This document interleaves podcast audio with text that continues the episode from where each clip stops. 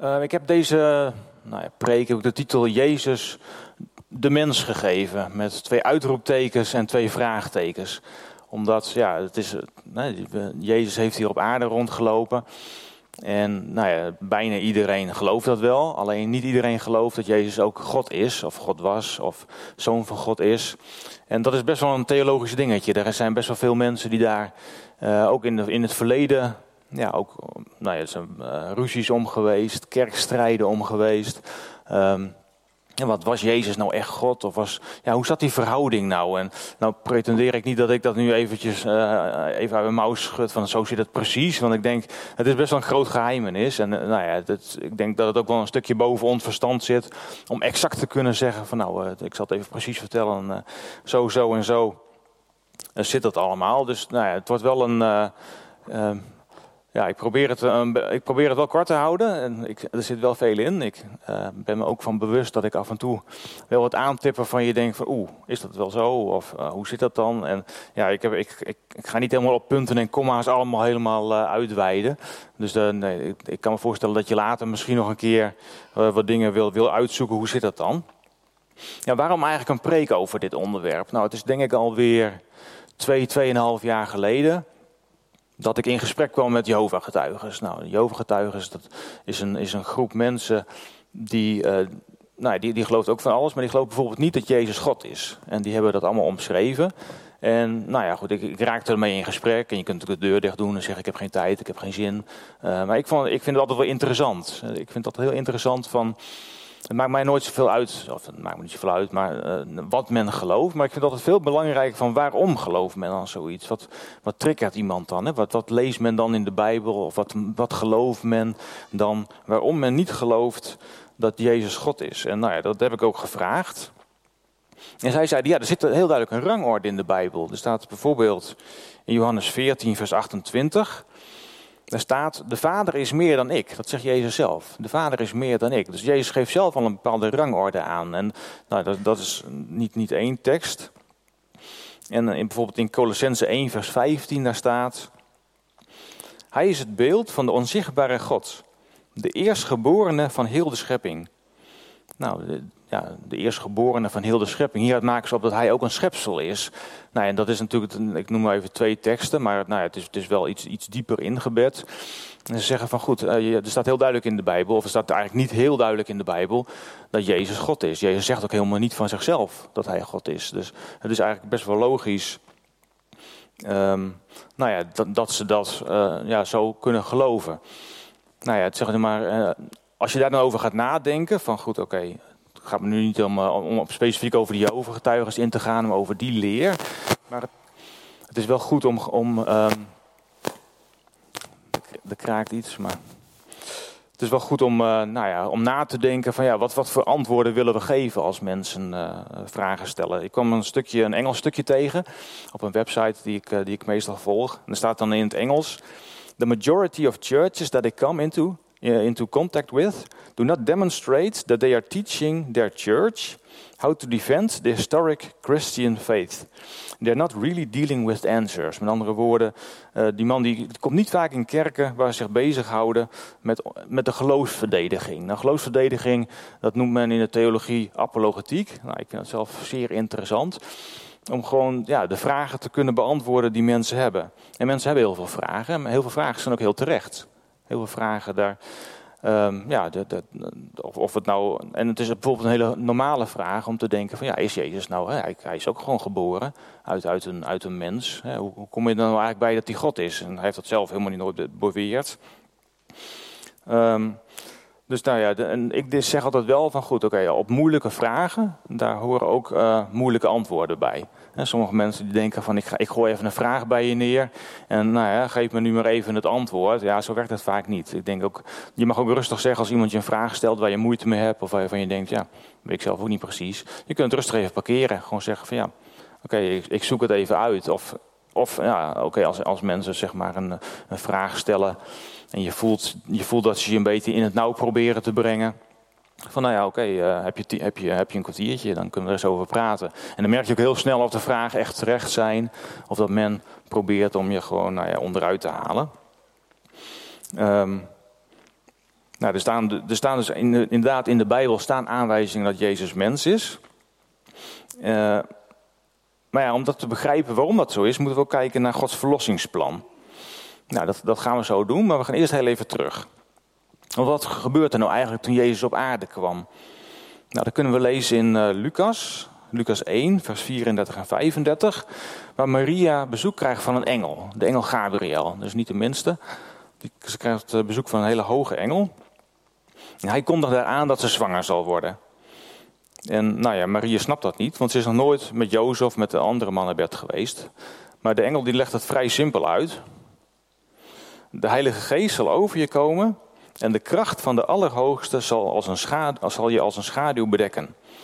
Nou ja, simpel. Uh, Maria snapte er denk ik ook helemaal niks van, maar ja, ze hoorde het aan. En daar, nou ja, als Jezus dan wordt geboren, dan, dan geloven wij dat, uh, dat ja, dat, dat, dat Jezus eh, ja, eigenlijk door de Heilige Geest in Maria is geplant. En nou ja, dat is de, in de wetenschap kan dat helemaal niet. In de wetenschap, die, dan, als je dus eh, zegt van goed, eh, ik moet alles wetenschappelijk kunnen onderbouwen, ik geloof niet in wonderen, ja, dan heb je hier gelijk al het eerste probleem.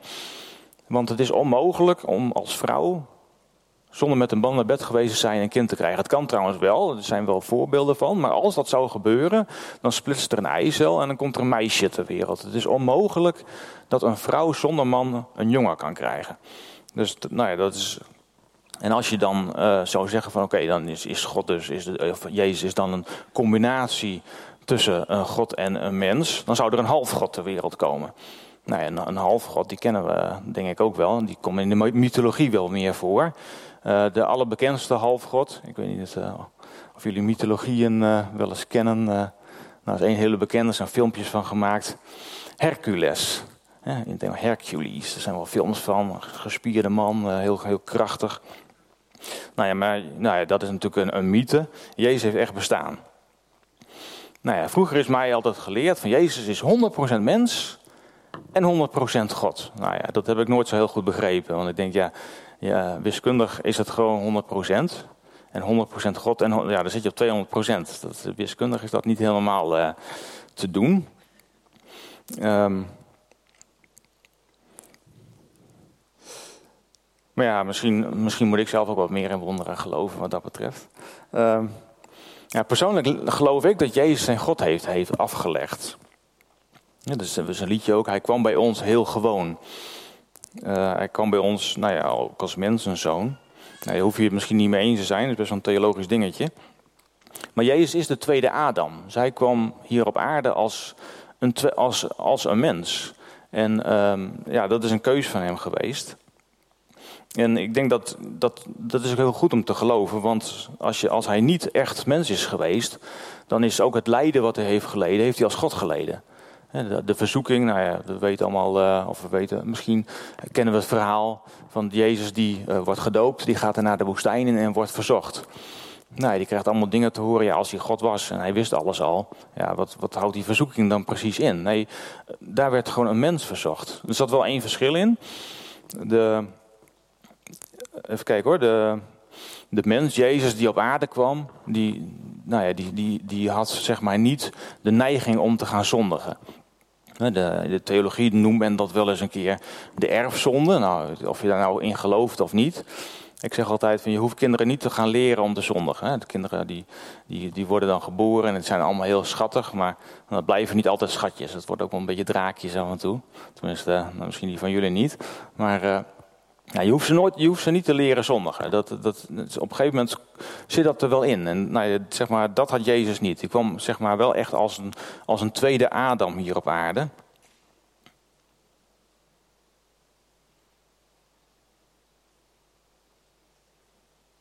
Even doorbladeren. Nou ja, hoe hij precies in zijn opvoeding is geweest. En nou ja, daar kun je van alles van denken, van alles van vinden. Maar ik denk wel dat hij, nou ja, dat hij dus zijn goddelijke eigenschap had afgelegd. Met andere woorden, toen hij hier als kind op aarde kwam, ja, toen was hij, ik weet niet precies hoe dat dan werkt, maar hij, hij, hij wist zeg maar niet heel veel dingen meer van vroeger. hij heeft echt zijn, zijn herinneringen afgelegd. En als je denkt van ja goed, hoe zit dat dan? dan ik zeg altijd, dan moet je een zwart-wit maken. Als je denkt van goed, hij heeft al zijn herinneringen bij zich gehouden als God. Hij kon gewoon goddelijke dingen doen. Dan zou hij dus als, als eenjarig kind dat allemaal nog moeten weten. Nou ja, hij is gewoon als kind ter wereld gekomen. Hij is, is opgegroeid en wat hij wist van zijn godheid, dat wist hij van uh, in eerste instantie van wat Maria hem vertelde en wat hij las. Ik weet niet, nou, ik weet niet in, wanneer hij heeft leren lezen of, wat, of dat men ja, heel veel verhalen heeft verteld. Maar we weten allemaal dat Jezus als twaalf jaar al in de tempel, of, eh, zeg maar eh, in Jeruzalem, um, ja, bij geleerden zat en al heel veel wist. Dus hij heeft al op jonge leeftijd heeft hij te horen gekregen van je bent een zoon van God. Dit is er gebeurd vroeger en dat heeft in hem ja, getriggerd om uit te zoeken wie hij dan eigenlijk was. Dus hij is op zoek gegaan, wie ben ik eigenlijk? Nou, daarnaast heeft hij natuurlijk ook nog ja, de Heilige Geest die, die God naar hem toestond. En daar die, dat, waar hij een hele speciale band mee had. En ik denk zelf dat de wonderen die hij deed, die kon hij doen omdat de Heilige Geest dat door, dat door hem kon doen. Nou, dat zeg ik uh, heel veel in heel, in een heel korte tijd. Ik, is misschien uh, ja, zou je eigenlijk een preek apart over moeten houden. Maar nou ja, goed, hè, hoe, hoe zie ik dat dan, uh, dat de Heilige Geest in hem woont? Nou, er staat in de Bijbel, even kijken. In Colossense 1, vers 19, daar staat bijvoorbeeld, het lijkt een beetje tussen neus en lippen doorgezegd. Het heeft de Vader behaagd dat in hem heel de volheid wonen zou. Nou, heel de volheid, dus zeg maar alles van de Heilige Geest. Dus de, ja, God zelf die, die, die, die heeft zijn zoon op aarde gegeven. In feite zonder goddelijke eigenschappen, zodat hij echt als mens hier op aarde kon wonen. Maar daarnaast vervulde hij hem weer volledig met de Heilige Geest, waardoor hij die goddelijke eigenschappen weer terugkreeg. En nou ja, als je, als je kijkt van hoe, hoe je, we hebben net uh, profetie hier gehad. Nou, dat is, een heel mooi dingetje. We weten van, eh, er staat in de Bijbel, ons profeteren is, nou, het is in ieder geval niet 100%. Hè. Wij krijgen indrukken van God, wij, we horen Gods stem, we horen de regen, we horen we stromen. En we krijgen daar beelden bij. En we weten, dat moeten we toetsen. Want ja, het kan ook onze eigen gedachten zijn. Onze eigen gedachten kunnen aan de loop gaan met alles wat we horen. En ja, de, maar bij Jezus is dat niet zo. Als Jezus zeg maar op een gegeven moment mensen praat, dan had hij niet een indruk dat men iets dacht. Nou, hij wist wat mensen dachten. Dus dat kreeg hij echt rechtstreeks te horen, denk ik, van de Heilige Geest, die, waar van de volheid in hem woonde.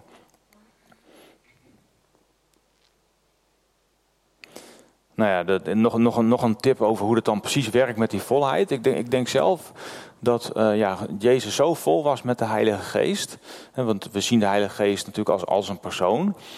Maar is best wel een theologisch dingetje. Dus uh, best wel een beetje zwaar. Maar ik denk zelf. Kijk, wij hebben allemaal de Heilige Geest. En er is, natuurlijk, er is natuurlijk verschil hoeveel ruimte je de Heilige Geest eh, geeft. Je hebt enerzijds heb je van goed, ik heb de Heilige Geest en ik geef hem een kamer. Hij mag een klein beetje uh, aan het roer staan op dat onderwerp. En de rest hou ik voor mezelf. En andere mensen geven me een verdieping. En, nou ja, maar er zijn ook mensen die geven hem, nou ja, die geven hem alle ruimte. Die zeggen, God, ik, ja, u, mag, u mag met mij doen. Ik, ja, ik wil je volledig volgen. En ik denk, als je, als je dat punt bereikt hebt, dan heb je nog steeds te vechten met je vlees. Nou, u misschien niet, maar Paulus bijvoorbeeld wel. En ik denk, ja, als dat soort grote mensen, en ik ook, dan, dan ja, zelfs al geef je God alle ruimte, al geef je God alle, alle mogelijkheden om in jou te werken, dan nog zit je met je vlees. Dus daar zitten wij gewoon nog steeds mee te vechten. En mee te, ja, mee te, daar hebben we mee te dealen in deze tijd. En ja, dat had Jezus niet. De, de volledige volheid woonde in hem. En er staat zelfs uh, in Johannes 16, vers 7. Het is goed voor jullie dat ik ga.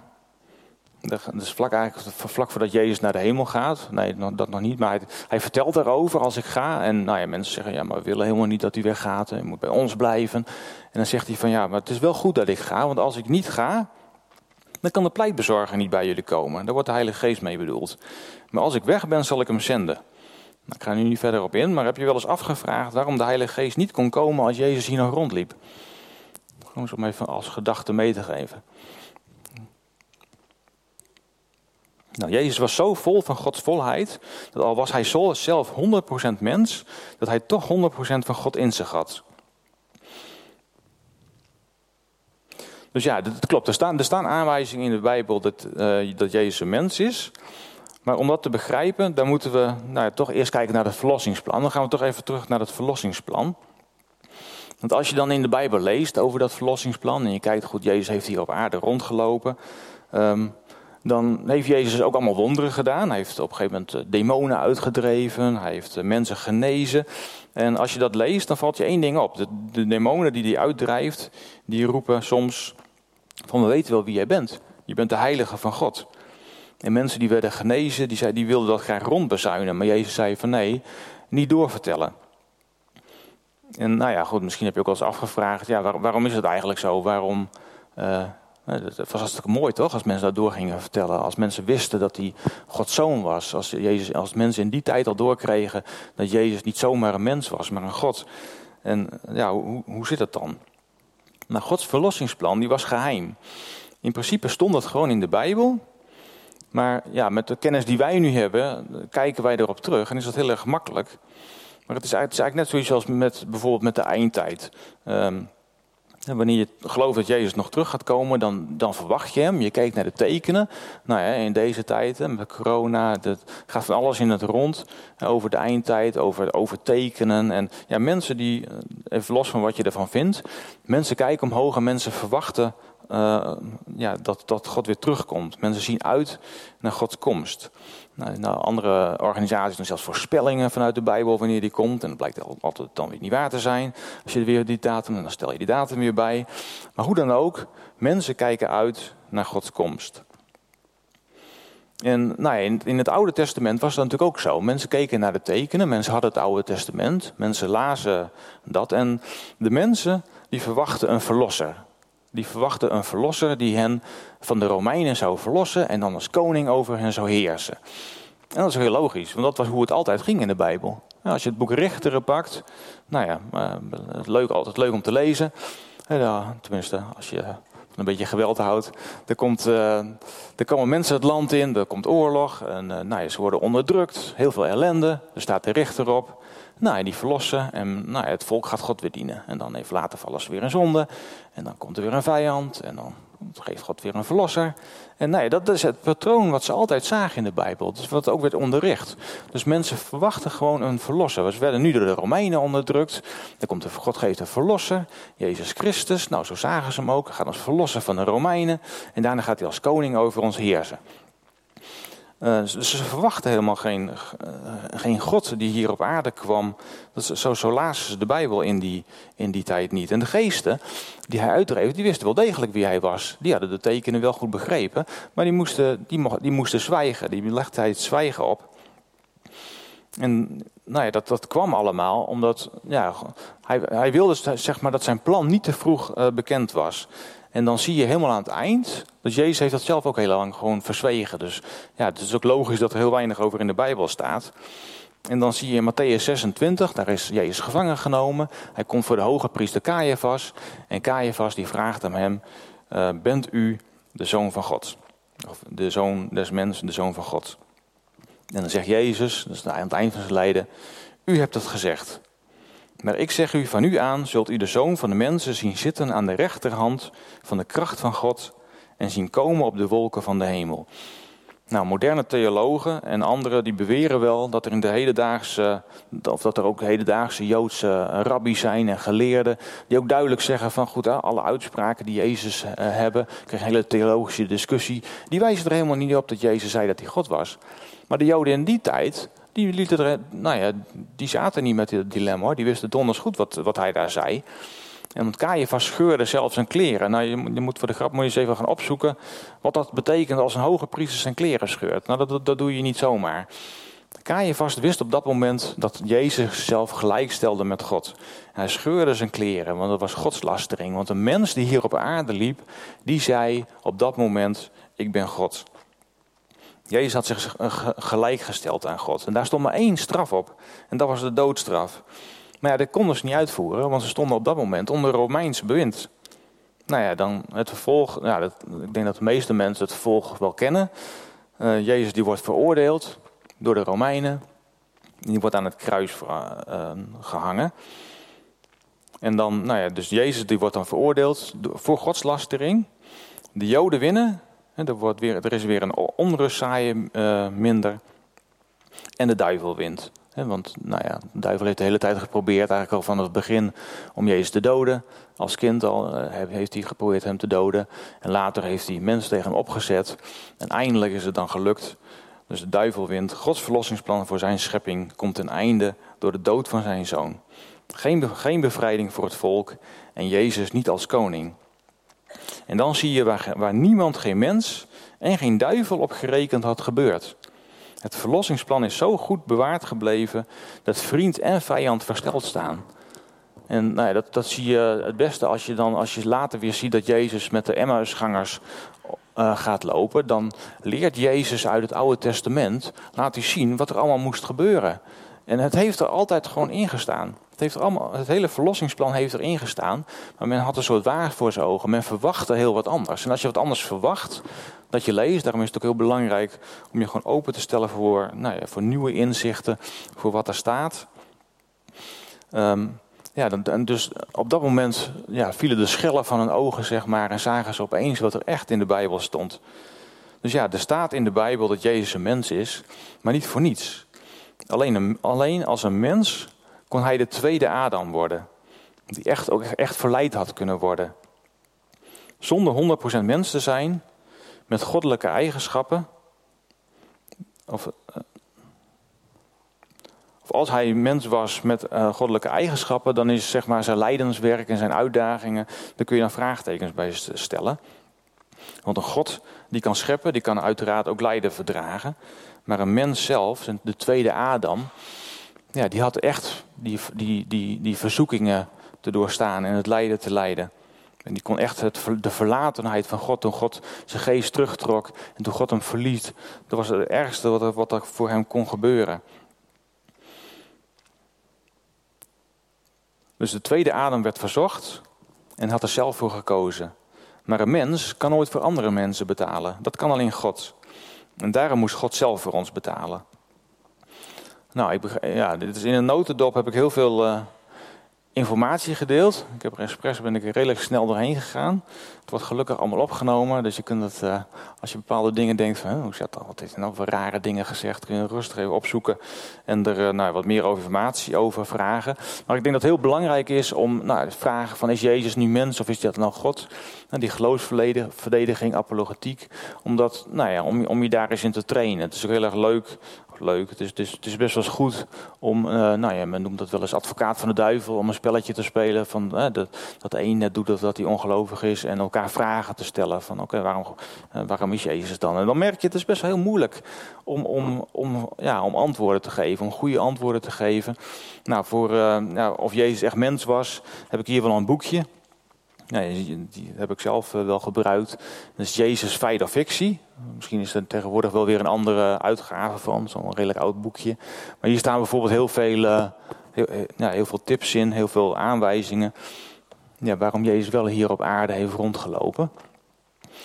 Um, nou, in ieder geval, ja, al die kennis daarover is natuurlijk heel belangrijk. Maar het is nog veel belangrijker als je Jezus leert kennen als jouw verlosser. En als je die relatie met, hij, met hem krijgt. Als je, nou, wat, wat Jezus ook had, dat hij was vervuld met de volheid van, van de geest. Zo hebben wij ook de geest gekregen. En zo kunnen wij ook echt ja, een relatie met God hebben. En zo wil ik ook voor jullie bidden.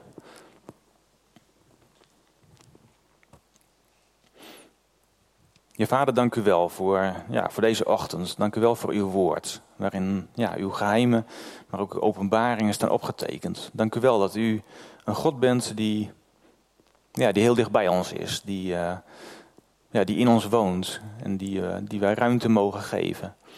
Vader, dank u wel dat u zo, uh, ja, zo met ons mee wil gaan, ook, ook ja, deze tijd. En uh, ja, ook al staan er soms best wel pittige dingen in de Bijbel. We, ja, we zijn blij dat we uw geest hebben ja, om uitleg hierover te geven, om, uh, om inzicht hierover te geven. En we zijn blij dat we ja, een relatie met u mogen hebben. We zijn blij dat we ja, de mogelijkheid hebben om, uh, om u te leren kennen.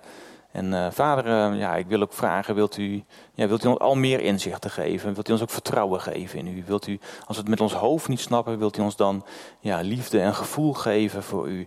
En als we ja, dat liefde en, en gevoel even kwijt zijn, vader, wilt u dan dat we ook weer kunnen bouwen op onze, op onze hoofdkennis? En als het dan weer samenkomt, vader, dat we u weer in volheid mogen dienen.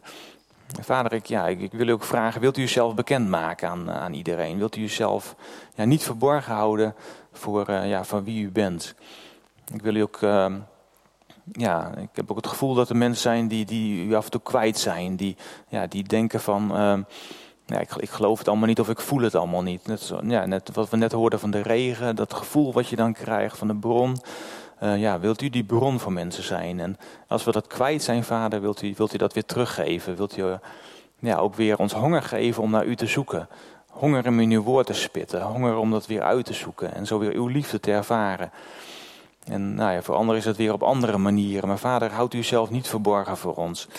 Ja, ik wil ook... Uh, ja, jullie zegenen zo met, met, met Gods zegen. Dat, ja, dat God jullie mag vervullen met zijn geest. Dat jullie uh, ja, ook in de komende week, ook in de komende tijd, ook in de rust van de vakantie, um, ja, misschien ook in de drukte in je hoofd, dat je toch God mag zoeken. Dat je ja, mag weten dat, hij je, ja, dat God je vader is. Dat ja, Jezus je verlosser is en dat de Heilige Geest ja, Gods kracht is die in, in je woont. Dat, dat, dat hij als persoon in je wil wonen. Vader, dank u wel voor uw geest. Vader, wilt u die ook weer uitstorten over ons? Wilt u meer kracht geven? Wilt u zo de komende tijd ook voor ons zorgen? Amen.